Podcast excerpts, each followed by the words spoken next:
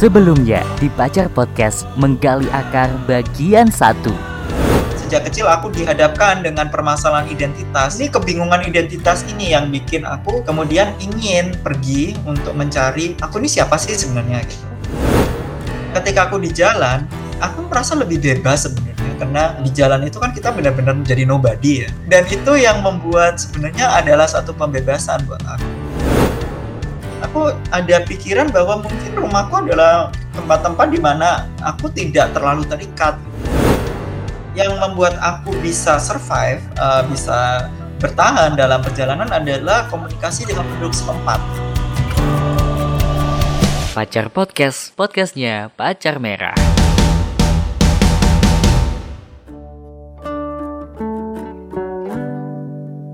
kembali bersama Agustinus Wibowo. Kita ngobrol sampai bukunya V.S. Naipaul yang Among the Believers ya, Gus ya. Ya. Jadi menarik banget pacar buku. Kalau pacar buku nanti mencoba mencari buku V.S. Naipaul, itu bisa salah satunya adalah Among the Believers ini, di mana sebenarnya premis dari tulisannya V.S. Naipaul, tentu ini versi aku ya, karena premis yang paling tahu tentu penulisnya sendiri ya, Gus ya.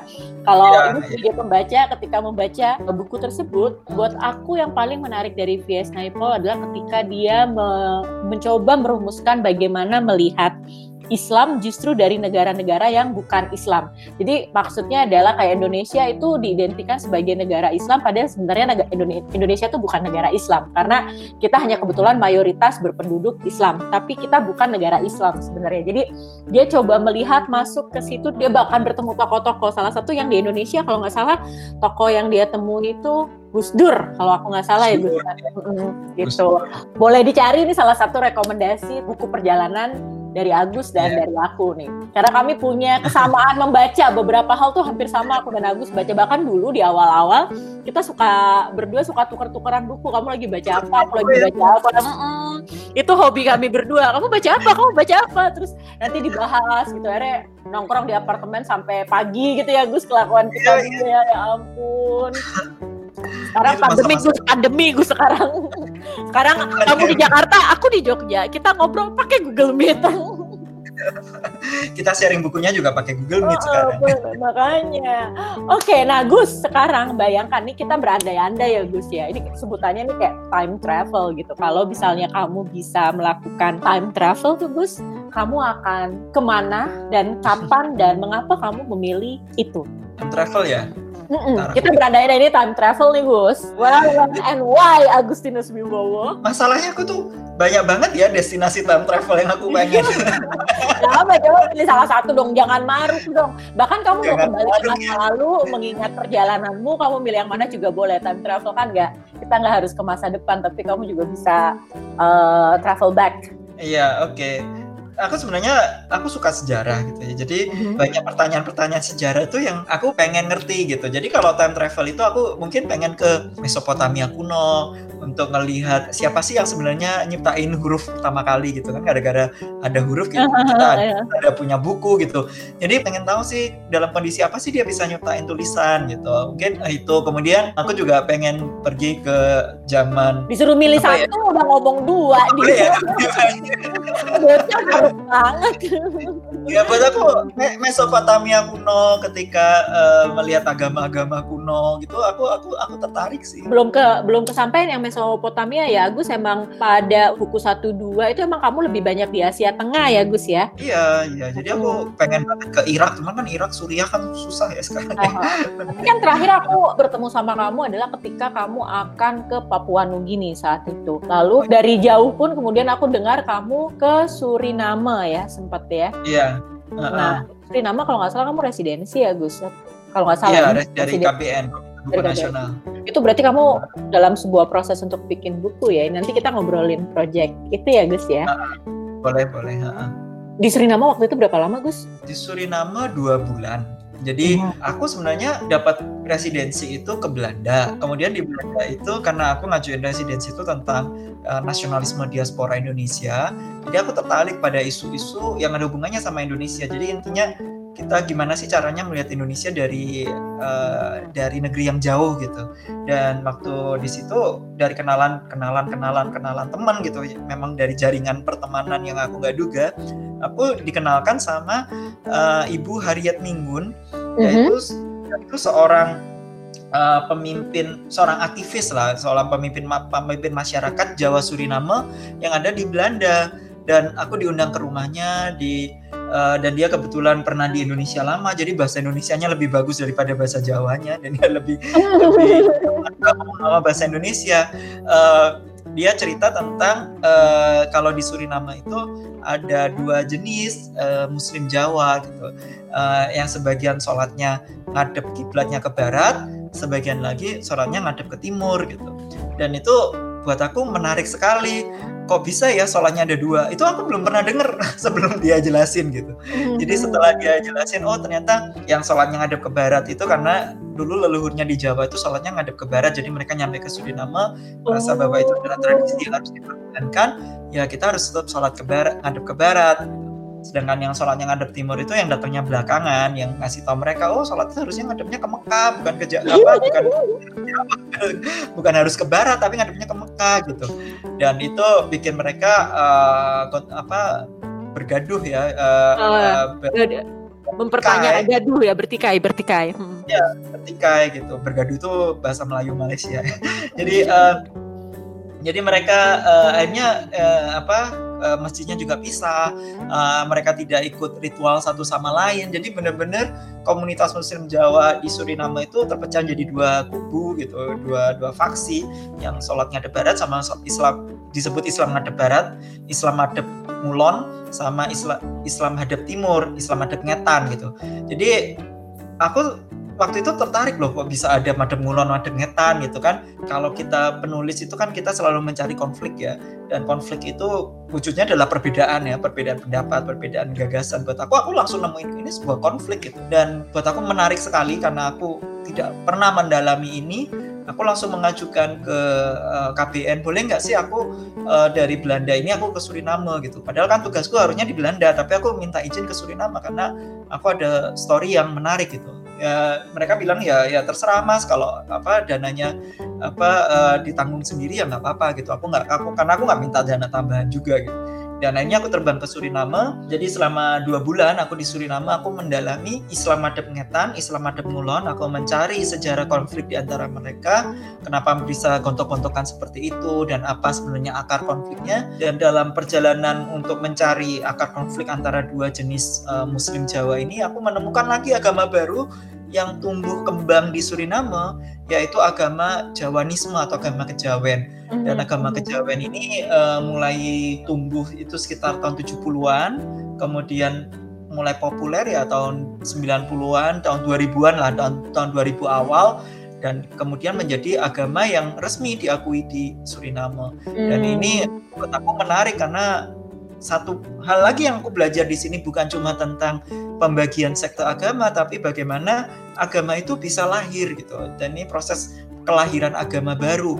Dan aku beruntung karena aku masih ketemu dengan orang-orang yang termasuk perintis lahirnya agama ini. Dan mereka bisa menceritakan ke aku bagaimana kejawen yang semula tradisi yang sangat melekat dalam orang Jawa termasuk dalam orang-orang yang menganut Islam Madep Mulon ya. Orang-orang Mhm. yang Madep Mulon ini mereka mengadopsi kejawen itu sangat kental. Ini kemudian bisa menjadi agama tersendiri dan menjadi agama resmi di Suriname ya bahkan di Mhm. Indonesia pun belum jadi agama resmi kan Mhm, nah itu yang mhm. buat aku itu menarik sekali Hmm. Gus, em, Ya. ketika kamu tiba di Suriname, apa asumsimu yang ada di kepala dan ketika tiba di sana ternyata asumsi itu keliru, Gus? asumsi yang ada di kepala adalah orang Suriname itu tidak mengerti budaya Jawa karena mereka jauh dari Jawa. Eh, itu terpatahkan ya begitu kamu tiba di sana ya.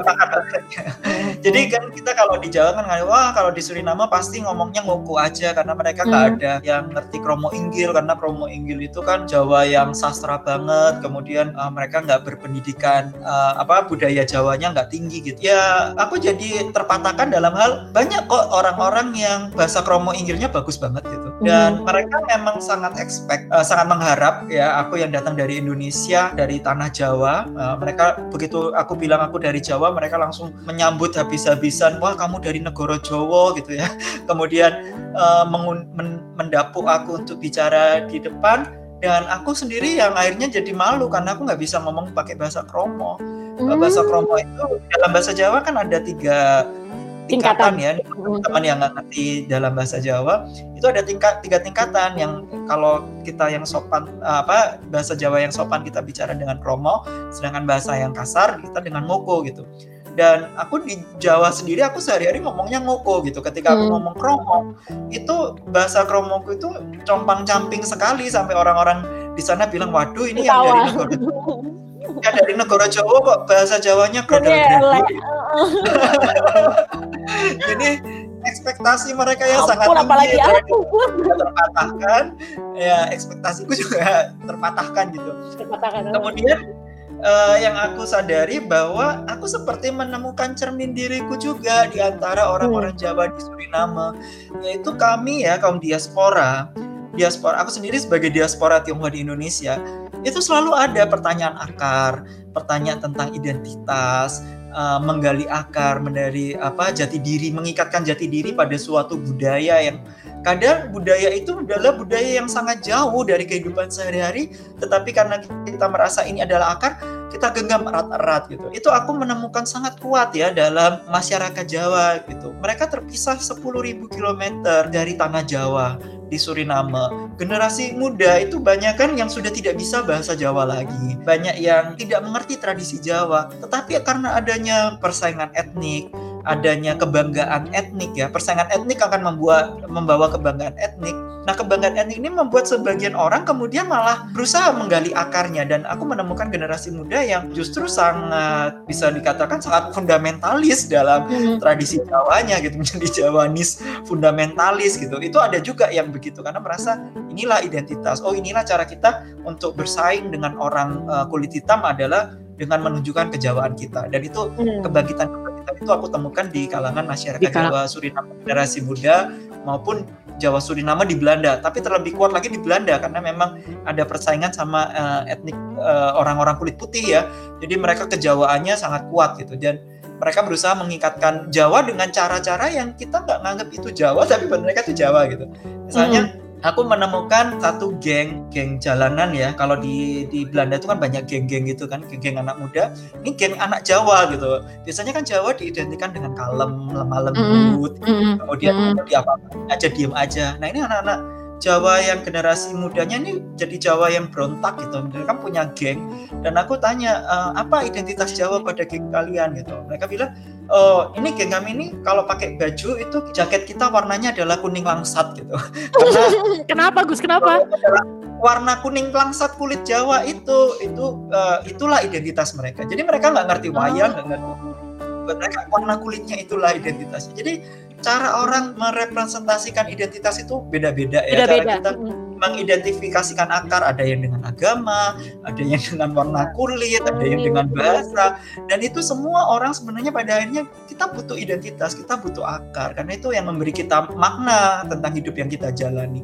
Dan hmm. di situ aku menemukan bahwa terlepas dari perbedaan-perbedaan identitas itu sebenarnya kita banyak sekali kesamaan ya antara semua manusia ini adalah pada akhirnya ya kita tetap orang-orang yang mencari akar dan berusaha memaknai hidup kita dengan akar yang kita pahami. Mhm, setuju banget itu aku kalau itu. Pada pada ujungnya kita coba kembali menemukan akar dalam diri kita dengan cara apa pun ya Gus. Itu iya. sifat alamiah kita juga kan ingin tahu di mana iya. seharusnya iya. kita menghunjam itu di sebelah mana gitu kan sebenarnya. Iya. Dan itu itu sangat universal dan ini yang sebenarnya akar dari konflik dari uh, dari banyak Islam. hal sebenarnya ya dari banyak hal ya. Itu menjadi banyak hal. Jadi kayak misalnya identitas memunculkan konflik pada ujungnya Iya, Islam Adem dengan Islam Adem ini sama-sama sama-sama akar, cuma akarnya berbeda aja dan gara-gara akarnya berbeda mereka jadi konflik gitu ya. Ya kalau kita pikir ya. pada akhirnya juga sebenarnya konflik-konflik identitas itu juga intinya juga sama ya ini pencarian akar, mendefinisikan akarnya dengan cara berbeda. Yang kemudian yang satu bilang oh kamu keliru, yang satu bilang kamu yang keliru, dan akhirnya jadi konflik. Ya pada akhirnya ya itulah yang membuat konflik-konflik kita ini. Dan itu aku sebenarnya jadi kayak lebih nemu jawabannya dari perjalanan. Dan ini sebenarnya yang aku syukuri ya. Jadi pertanyaan Windy yang pertama yang sebenarnya belum terjawab apa sih makna perjalanan buat aku? Perjalanan buat aku adalah mendamaikan aku sama konflik-konflik identitasku. Karena aku ini adalah orang yang mencari rumah mencari akar. Kemudian ketika aku pergi melakukan perjalanan ke tempat-tempat yang berbeda aku melihat konflik-konflik yang berbeda belajar untuk memahami hakikat manusia dari konflik-konflik mereka aku jadi menemukan akar dari konflikku itu apa sih gitu. Mm-hmm. Inti dari pencarianku itu apa sih dan konflik-konflik yang aku temui di jalan itulah yang membuat aku kemudian bisa berdamai dengan konflik-konflik identitas yang ada dalam diriku sendiri. Dirimu sendiri. Hmm. Jadi sebenarnya perjalanan tuh malah memberikan sebuah kaca bening untuk melihat diri ya Gus ya. Betul, betul, betul. Itu kaca bening itu betul sekali. Karena gini, melihat diri itu proses yang sangat sulit. Kita punya mata dengan kita punya mulut itu pada wajah yang sama ya. Tapi mata kita tidak bisa melihat mulut kita sendiri. Sendiri, ya kan? Walaupun itu deket ya, kita nggak bisa. Kita perlu kaca ya. Dan kaca itu adalah perjalanan gitu. Kalau kita untuk mengenali diri, kita nggak bisa hanya merenung untuk melihat diri sendiri nggak akan dapat. Tapi kalau kita berinteraksi sama orang, kita pergi ke tempat-tempat jauh dan dari tempat-tempat jauh itu kita melihat oh ternyata yang di tempat-tempat jauh itu konflik-konfliknya sama juga kok dengan konflik-konflik kita yang ada di dalam diri kita sendiri maupun di dalam rumah eh, di lingkungan kita. Kita jadi lebih bisa objektif untuk melihat diri kita, melihat konflik kita, melihat negara kita, bangsa kita sendiri karena kita punya cermin dari bangsa-bangsa lain, budaya-budaya lain maupun orang-orang lain yang sebenarnya juga merupakan cermin dari diri kita. Hmm. Jadi di situ perjalanan sebenarnya adalah satu cara yang sangat bagus untuk kita belajar mengenali diri kita, hmm. menjawab pertanyaan siapa sih aku gitu, siapa sih saya ini. Ini ada kaitannya dengan dengan pertanyaan pertama tadi makna perjalanan dan kemudian ternyata bisa dikaitkan dengan apa yang bisa kita temui dalam perjalanan pada ujungnya pada sebenarnya ya Gus ya ternyata ya kaca bening untuk diri kita sendiri. Iya. Iya. Gus, ya, aku jadi penasaran kamu tuh sebenarnya bakat bakatmu yang nggak diketahui orang lain apa ya Gus? Kan sebenarnya semakin aku mengenal kamu tuh semakin aku oh ternyata Gus tuh punya punya minat belajar pada beragam hal sebenarnya salah satu yang kamu bilang suka suka sejarah gitu. Itu aku uh, sama kamu sama cocok suka sejarah. Yeah. Suka makan tuh perkara uh. lain. Agus suka Agus tuh suka makan enak. Aku makan kalau perlu. Dan kalau kami nongkrong, kami justru makan apa? Dua-duanya nggak bisa mikir mau makan apa. Tapi lalu kemudian Agus ini sebenarnya tadi dia ngaku kan dia introvert. Tapi pada saat bersamaan justru ketika dia membuka diri dia mampu membangun. Kamu tuh mampu membangun interaksi dengan orang lain dengan sangat luas dan bahkan kamu mampu merawatnya ya Gus. Kalau menurut aku kamu salah satu teman yang mampu merawat hubungan-hubunganmu gitu dengan cara yang sangat sederhana. Misalnya kayak aku sangat kagum gitu dengan kamu yang cukup rajin WhatsApp dan aku tahu itu cara kamu untuk membangun hubungan kan merawat hubungan. Nah, iya kadang sharing sharing lalu, WA gitu, sharing ah, foto. Ah, kan cara merawat ya dan Agus tuh salah satu orang yang paling rajin. Jadi dia kayak mau lo bales nggak lo bales, gue akan ngirim karena gue mau ngasih tahu lo ada sesuatu yang menarik buat gue gitu dan buat aku tuh itu cara cara cara manis untuk merawat sebuah hubungan itu yang kemudian yeah. aku penasaran. Ada nggak bakat kamu yang sebenarnya tuh nggak diketahui oleh banyak orang sih Gus? Bahwa ternyata Gus ternyata bisa nyanyi gitu. Aku nggak pernah denger Agus nyanyi tuh para pacar buku. Nah apa sih Gus bakatmu yang nggak diketahui banyak orang nih Gus? Aku nggak tahu ya. Semua udah kamu tunjukin ya uh, mungkin gini aku sebenarnya punya bakat koleksi ya selain koleksi buku kan Gus selain koleksi, koleksi buku ya aku sebenarnya lebih banyak koleksi perangko daripada perangko. koleksi buku. ya, jadi ya. Uh, koleksi itu di satu sisi beban ya karena kita kan jadinya merawat. Uh, dia satu ngerawat, kemudian harus telaten untuk bersihin, kemudian uh, kalau udah banyak gimana mengkatalogkan gitu kan. Nah itu aku sebenarnya lebih banyak dari buku itu aku perangko, perangko itu gila-gilaan banyaknya dan dan dari perangko. Hah? Kenapa? Kamu simpen di mana? Aku simpen di lemari. Oh, ada di sini di Jakarta. Ada ada di Jakarta sekarang. Uh, dulu waktu Windy datang masih belum dialbumin gitu. Waktu belakangan aku uh, sering jalan, aku nitip orang-orang yang kutemuin, oh kalau kamu bisa beliin album di Cina, beliin dong gitu. Belakangan aku dapat album album oh, baru okay, gitu. Okay. Jadi buat aku ketika aku dari koleksi perangko, koleksi perangko itu butuh ketelatenan yang luar biasa ya kayaknya. Uh, ngerawatnya susah, majemnya susah, uh, kemudian natanya juga capek gitu. Kemudian yang paling berat itu sebenarnya belajar story ya, belajar cerita di balik perangko karena setiap perangko ada ceritanya gitu dan mm-hmm. dan itu aku lagi kepikir nih bisa bikin vlog tentang belajar sejarah dari perangko gitu mungkin. Bisa banget, jadi, bisa banget. Iya, bisa. Perangko-perangko yang koleksi kita cerita sejarahnya atau cerita di baliknya gitu. Mungkin seru juga sih. Aku mungkin ke depannya mungkin bisa ngarah ke situ. Ya, aku nggak ya, tahu. Berarti itu sebenarnya bukan bakat ya, itu minat ya. Minatmu yang tidak banyak diketahui orang adalah justru um, mengoleksi. Bakatnya telaten itu bakat, bakat telaten. Agus tuh bakatnya yang tersembunyi adalah ngelawak teman-teman ya. Ada pada titik di mana gue sama ada satu teman kami, dia juga editor lagi serius-seriusnya nih Agus ngelawak, ngelawak dengan naifnya gitu dan kita semua ngakak-ngakak dan itu muncul di waktu-waktu tidak terduga. Jadi buat aku itu mungkin salah satu bakatnya Agus. Sebenarnya dia bisa jadi komika kayaknya. Kamu kayak komik. Masalahnya aku tuh nggak nggak nggak niat melawak, kalian aja yang ketawa.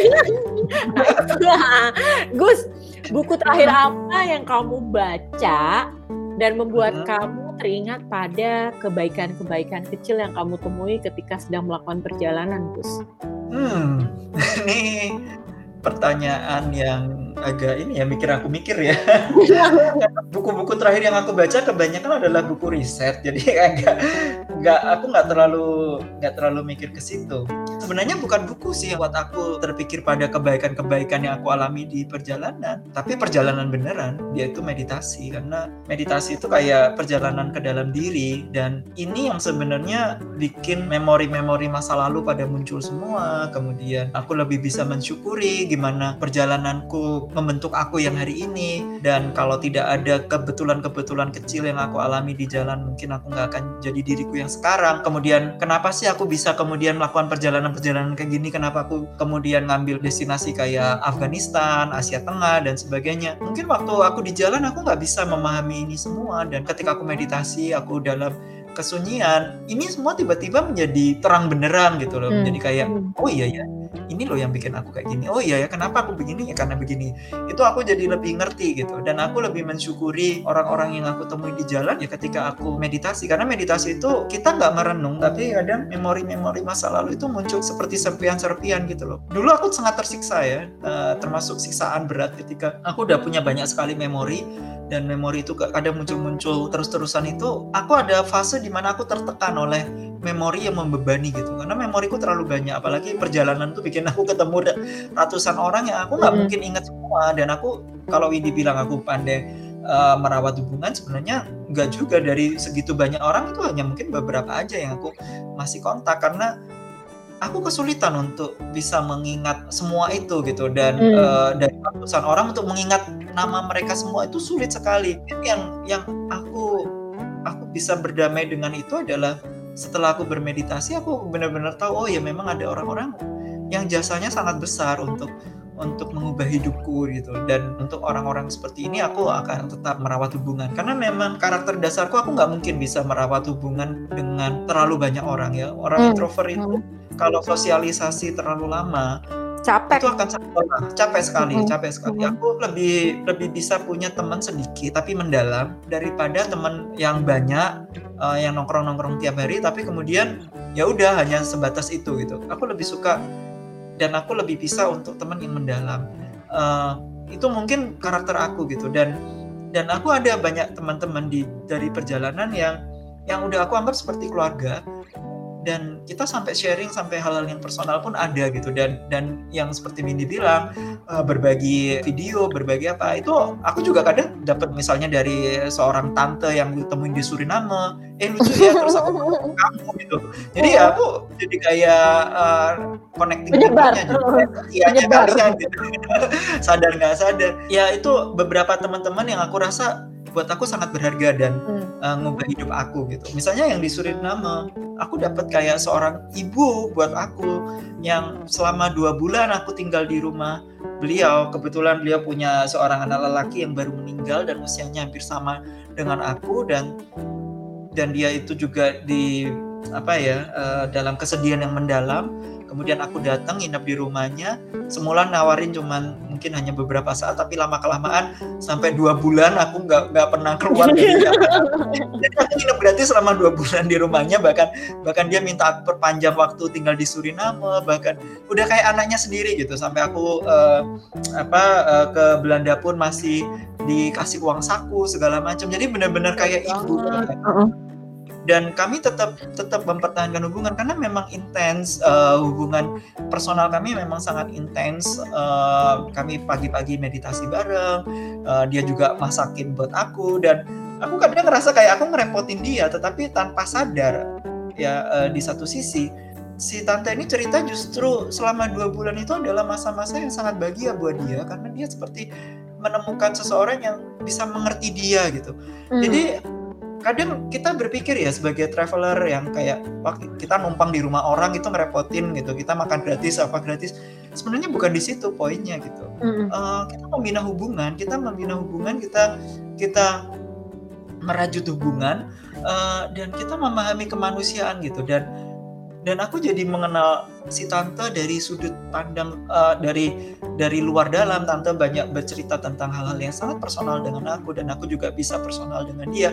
Buat aku itu mungkin kalau ditanya bakat ya nggak semua orang mungkin bisa mudah me menjalin hubungan mendalam dengan orang yang sama sekali asing. Itu mungkin yang dulu dikatakan Lambi tentang aku dan mm, dan aku dulu nggak merasa itu sesuatu hal yang sangat istimewa. Karena karena aku ngerasa oke okay, aku nggak mungkin aku mungkin nggak nggak bisa berteman secara terbuka dengan banyak orang, tetapi ketika aku punya hubungan mendalam dengan seseorang yang bahkan dari awalnya tidak kenal sama sekali itu bisa sampai sangat mendalam, aku bisa melakukan itu gitu. Mm, Dan itu itu sekarang aku merasakan ya itu mungkin kelebihan yang yang yang aku punya. Ini bakatmu jangan-jangan yang kamu punya dan nggak kamu sadar sebenarnya Gus ya.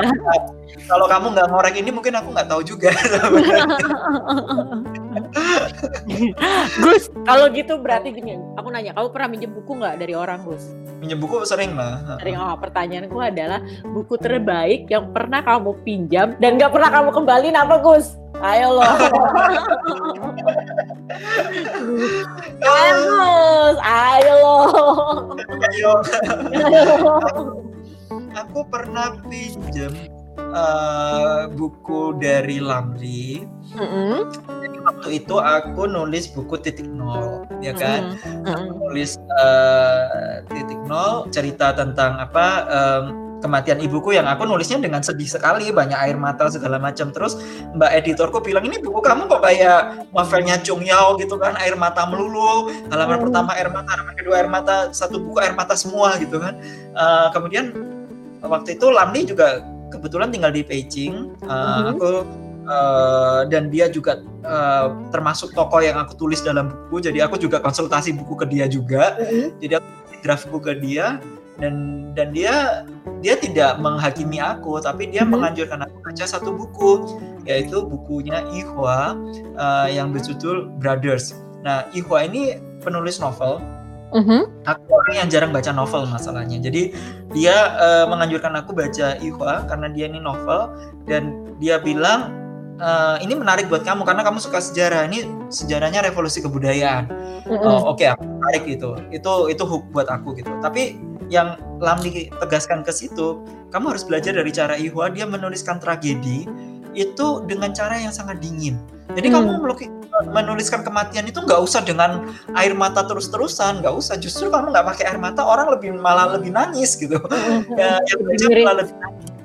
Ya, jadi dengan cara yang sangat dingin, uh, lebih objektif dalam mendeskripsikan kematian atau tragedi, bikin orang lebih tersentuh. Ya, aku kemudian baca Ihwa, emang beneran sih baca buku itu, itu buku pertama ya bikin aku nangis terseduh-seduh. Batu bacanya udah bacanya udah kayak nangis kayak aku sendiri yang ngalamin kematian ibu gitu dalam mm-hmm. itu. Uh, kemudian akhirnya aku aku bilang ke Lamda aku suka banget sih buku ini ya tapi bilang ya udah diambil aja gitu. Jadi ini lagu yang ya dikembalikan itu tapi untungnya Lamlinya ikhlas ya Gus ya.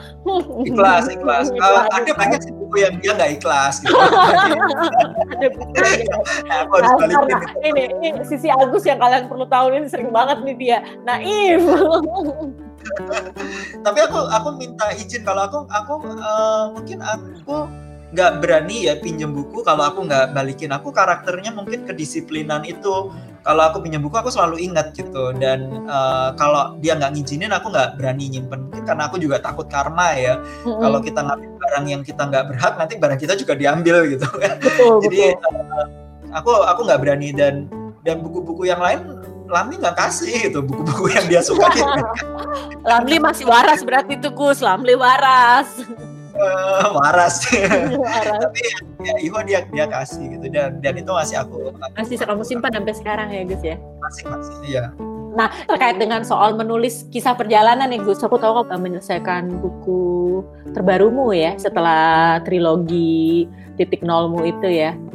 Iya, jadi uh, aku nulis buku sebenarnya pencarian diriku juga mm-hmm. yaitu mm-hmm. tentang identitas ya pertanyaan siapa aku ini kan uh, belakangan juga semakin mencuat karena di Indonesia sendiri kita lihat konflik identitas ini muncul uh, bahkan menjadi bagian dari politik ya kita uh, politik identitas ini memecah belah masyarakat kita karena perbedaan agama perbedaan budaya perbedaan etnik ini yang membuat aku merasa terpanggil untuk uh, nulis sebuah buku yang yang pertama adalah menjawab pertanyaanku sendiri tentang identitas dan yang kedua yang aku harapkan juga bisa menjawab pertanyaan orang-orang tentang apa sih akar dari identitas mereka.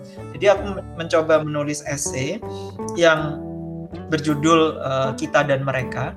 Mm -hmm. Dan dari esai ini adalah tiga jenis perjalanan yang aku uh, yang membantu aku untuk memahami identitas.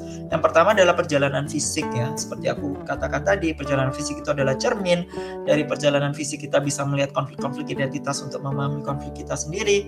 Yang kedua adalah perjalanan sejarah, perjalanan membaca. Dari membaca sejarah, aku bisa memahami apa sih akar uh, dari agama misalnya, bagaimana agama tercipta, bagaimana bangsa tercipta, bagaimana negara-negara itu kok bisa dikelilingi oleh garis batas, siapa sih yang ngambil garis batas? Dan dari situ aku uh, berusaha memahami oh ternyata banyak hal yang kita anggap identitas kita yang harus kita genggam mati-matian itu asalnya juga artifisial, asalnya juga buatan manusia. Kenapa hal-hal yang artifisial ini yang kemudian harus mendikte kita gitu? Dan dan dari situ aku uh, berusaha untuk uh, menjelaskan betapa uh, dari sejarah itu uh, betapa banyak konflik-konflik kita itu sebenarnya akarnya bukan seperti yang kita kira. Sebenarnya akarnya hal-hal yang sangat kecil yang yang sekarang membesar menjadi seperti sekarang gitu.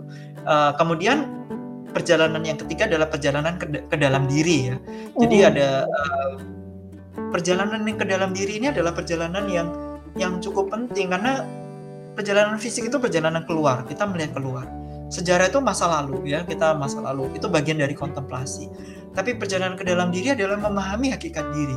Karena semua konflik identitas kita itu munculnya dari dalam diri kita ya kan pencarian kita tentang identitas uh, kenapa kita perlu identitas itu semua berasal dari ketakutan-ketakutan kita kebutuhan-kebutuhan kita akan rasa aman ketakutan kita akan kematian uh, ketakutan kita akan perubahan itu semua ada dalam diri kita dan rasa ketidakamanan insecurity ya ketidakamanan ketakutan ini dan ketika ketakutan itu itu menjadi esensi yang sangat penting dalam kita dalam menciptakan identitas kita. Kenapa kemudian kita mencari ini sebagai makna kita, itu sebagai makna kita. Jadi dari tiga layer perjalanan ini, aku mengupasnya uh, dari perjalanan fisik, perjalanan sejarah, dan perjalanan ke dalam diri. Aku berusaha memotret identitas dari berbagai sisi supaya kita bisa memahami apa sih itu identitas dan supaya kita bisa berdamai dengan mm. identitas konflik-konflik identitas. Untuk referensi untuk buku ini aku harus membaca buku 300 buku. Dan untuk 300 buku aku harus punya uh, strategi untuk tetap konsentrasi dan strategi untuk pengolahan data yang baik bagaimana mm. data buku-buku yang aku baca itu nggak tercerai-berai dan dan itu memakan waktu dan untuk ini aku juga perlu banyak banyak sekali kontemplasi banyak sekali meditasi untuk bisa uh, merumuskan uh, topik yang sangat besar ya topik tentang kehidupan dan konflik dunia yang sangat besar hanya dalam satu buku yang sebisa mungkin tidak terlalu berat untuk dibaca gitu dan mm -hmm. dan untuk dibaca itu itu butuh pemikiran yang sangat dalam dan Mhm. dan itu sebabnya aku harus mengisolasi diri Mhm. eh, benar-benar ansos ya istilahnya antisosial banget Mhm. selama tahun 2018 aku sama sekali nggak ada posting Facebook tidak buka Facebook tidak buka Instagram sama sekali satu tahun penuh 2018 Mhm. Itu Ya, itu aku cukup mengamati karena kita hampir sama sekali nggak berkomunikasi di 2018 ya Gus ya. Agus Ya, tiba-tiba menghilang begitu saja dari kehidupan WhatsApp nggak bunyi, apa pun nggak bunyi gitu. Hilang aja anak. hilang. Ya itu benar-benar eh, ya antitesis dari yang uh, Windy katakan tadi ya, merawat hubungan aku bisa mutusin hubungan kayak gitu Oh, ya dan kan? biasanya kalau kami udah ah, biarin aja ntar juga balik lagi tuh bocah. Jadi eh, 2018 memang aku eh, konsentrasi penuh eh, untuk membaca dan untuk merenungkan. Jadi bahkan teman-teman dekatku pada khawatir karena kadang 10 hari total aku nggak ada nggak ada HP pun, sinyal HP pun nggak ada 10 hari. Telepon pun nggak bisa, SMS pun nggak bisa gitu. Benar-benar terputus. Eh, itu teman-teman banyak yang kayak khawatir ini ini masih hidup nggak ya? Jangan-jangan mati di apartemen ini anak gitu. Ada ada kekhawatiran gitu. Eh, cuman ya pada akhirnya eh, setelah aku udah mulai bisa eh, mengendalikan ya eh, data-data informasi yang segitu banyak dan menemukan jawaban hingga aku bisa meremuskan buku ini aku mulai bisa bertahap-bertahap ya semacam PSBB ini PSBB transisi gitu. Aku ada masa transisi oke HP boleh oh oke satu hari internet boleh berapa jam Jadi memang em, kami tuh di kalau di para penulis itu untuk menulis satu buku justru lebih banyak buku yang harus dibaca ya Gus ya supaya bisa Iya. menulis satu buku dan kalau tadi Agus cerita ada 300 buku yang dia baca untuk menyelesaikan satu karya ini bukan hal yang mengagetkan teman-teman para pacar buku karena memang begitulah cara penulis bekerja untuk menulis satu buku kami harus membaca lebih banyak buku sehingga apa yang disampaikan bisa lebih tajam dan bisa lebih menemukan suaranya sebenarnya apalagi mengolah data sebegitu banyak. Nah, aku Iya. juga jadi penasaran Ada Bu. Ada Hmm, satu eh, kalimat yang aku eh, suka banget adalah kamu harus tahu sangat-sangat banyak untuk bisa menulis sangat-sangat sedikit. Sedikit Jadi- betul. Nulis sedikit itu susah banget. Kamu harus ngerti banyak hal supaya bisa nulis sedikit. Dan tulisan sedikit itu yang sedikit tapi tajam dan kuat itu kan tulisan yang bagus. Untuk Itu bisa nulis sedikit itu susah. Iya. Aku setuju banget. Nah, soal apa tentang menulis perjalanan yang kamu terapkan atau praktikkan dalam proses menulismu? Em, oh, kamu eh, maksudmu menulis buku esai ini ya? Eh, pada umumnya kisah perjalanan, aku menganggap Agus kan adalah eh, genre-nya kisah perjalanan ya. Oke. Terkait dengan penulisan kisah perjalanan ini, perihal-perihal apa so- soal menulis yang justru kamu terapkan di sini? Oke, Eh, sebenarnya aku nulis itu masih dalam satu genre yaitu genre non fiksi kreatif gitu. Jadi tulisan perjalanan itu non fiksi kreatif dan ketika aku nulis esai ataupun tulisan yang berdasar sejarah itu masih dengan menggunakan non fiksi kreatif, yaitu gimana eh, kita mengemas eh, data ataupun pengalaman yang sifatnya non fiksi eh, untuk menjadi lebih menarik yaitu dengan menggunakan teknik bercerita, yaitu bagaimana menggabungkan teknik bercerita dalam penulisan non-fiksi. Aku rasa eh, ini tidak ini bukan genre yang berbeda. Jadi tulisan perjalanan maupun eh, tulisan esai ya ya sama-sama non-fiksi kreatif. Ya bedanya adalah tulisan perjalanan itu lebih berat di sisi pengamatan fisiknya, observasinya, kemudian eks- eh, aksi aksi ya eh, actionnya itu harus lebih kuat. Nah kalau esai kan beratnya di di premisnya, beratnya di bagaimana argumennya nyampe gitu. Tapi secara umum semuanya sama. Tulisan perjalanan juga punya argumen, tulisan perjalanan juga punya premis, tulisan perjalanan juga punya eh, pembuka eh, isi penutup dan itu buat aku tetap sama untuk semua non fiksi kreatif. Hmm, dan itu semua kamu terapkan. Kalau tips menulis yang sampai saat ini yang yang kamu dapatkan dari kalau tadi kan kamu udah cerita tentang Lamli ya dengan masukan-masukan dia tentang menulis perjalanan gitu dan aku yakin dalam perjalananmu kamu ketemu lebih banyak orang lagi setelah itu ya Gus yang cukup Ya. memberi kamu eh, masukan ya dalam hal menulis gitu. Yang kamu sampai sekarang terapkan apa Gus yang kamu benar-benar praktekkan dalam dalam upaya kamu menulis eh, tulisan perjalanan? Ya, tulisan perjalanan itu terdiri dari dua bagian. Yang pertama adalah perjalanannya, dan yang kedua adalah tulisannya.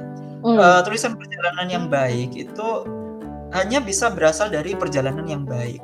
Hmm. Dan eh, untuk kita bisa melakukan perjalanan yang baik itu penting sekali karena kalau kita materialnya, material tulisan perjalanan kita adalah dari perjalanan kita, materialnya nggak bagus, Mm-mm. sebagus apa pun teknik kita menulis, sebagus apa pun teknik kita memasak, kalau bahannya nggak bagus ya susah menghasilkan tulisan atau masakan yang baik kan.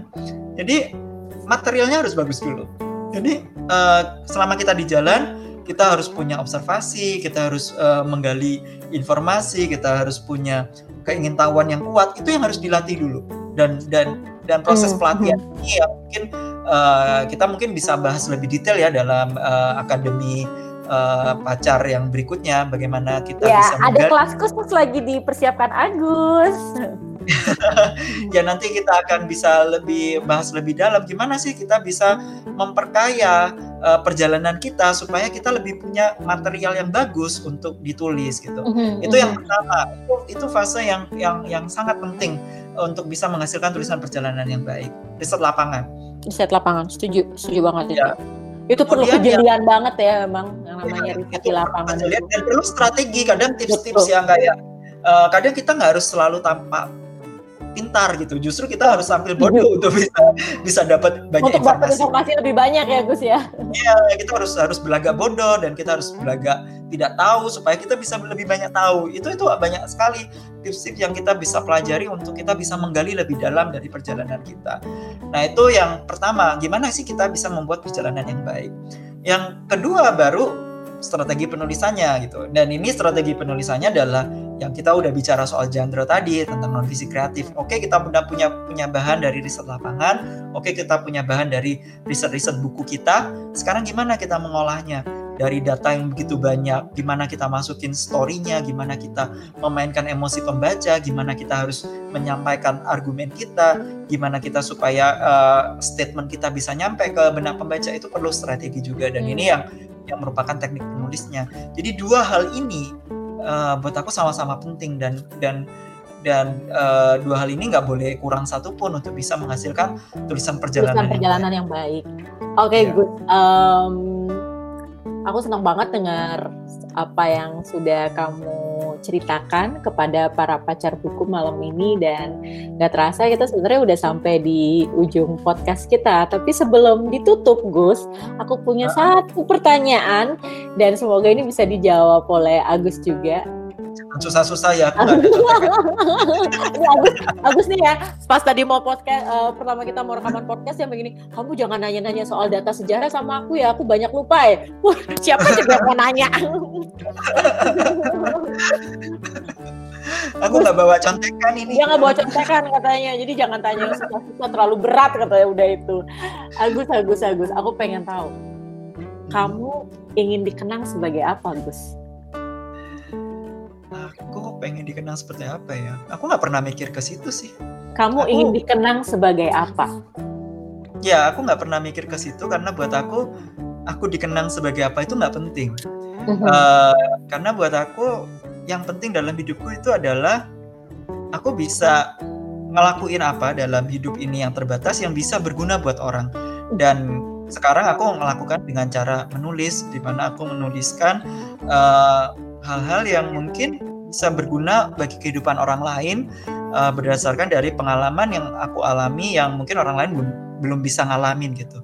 Eh, apakah aku akan dikenang atau enggak itu buat aku nggak penting sih. Eh, Mhm. Yang buat aku penting adalah setidaknya ada satu dua atau sedikit orang yang merasa oh iya mereka mereka bisa mendapatkan manfaat eh, dari aku dari cerita-cerita yang aku bagikan. Buat aku itu yang lebih penting. Ya, Agustinus Wibowo untuk Pacar Podcast. Makasih banyak Agus buat malam ini ya. Makasih Kak Windy, makasih pacar buku semua. Eh, makasih juga buat eh, kesempatannya untuk berbagi dan kayaknya podcast ini menyenangkan sekali karena aku jadi kayak menggali diriku yang ya aku juga semula nggak nggak mikir ya tapi gara-gara Oh. pertanyaan Kak Windy yang bagus banget aku jadi kayak nemukan diriku yang lain lagi gitu. Nanti aku akan bongkar semua rahasianya pacar buku. Jangan khawatir. Kalian mau tahu apa tentang Agus tanya aku.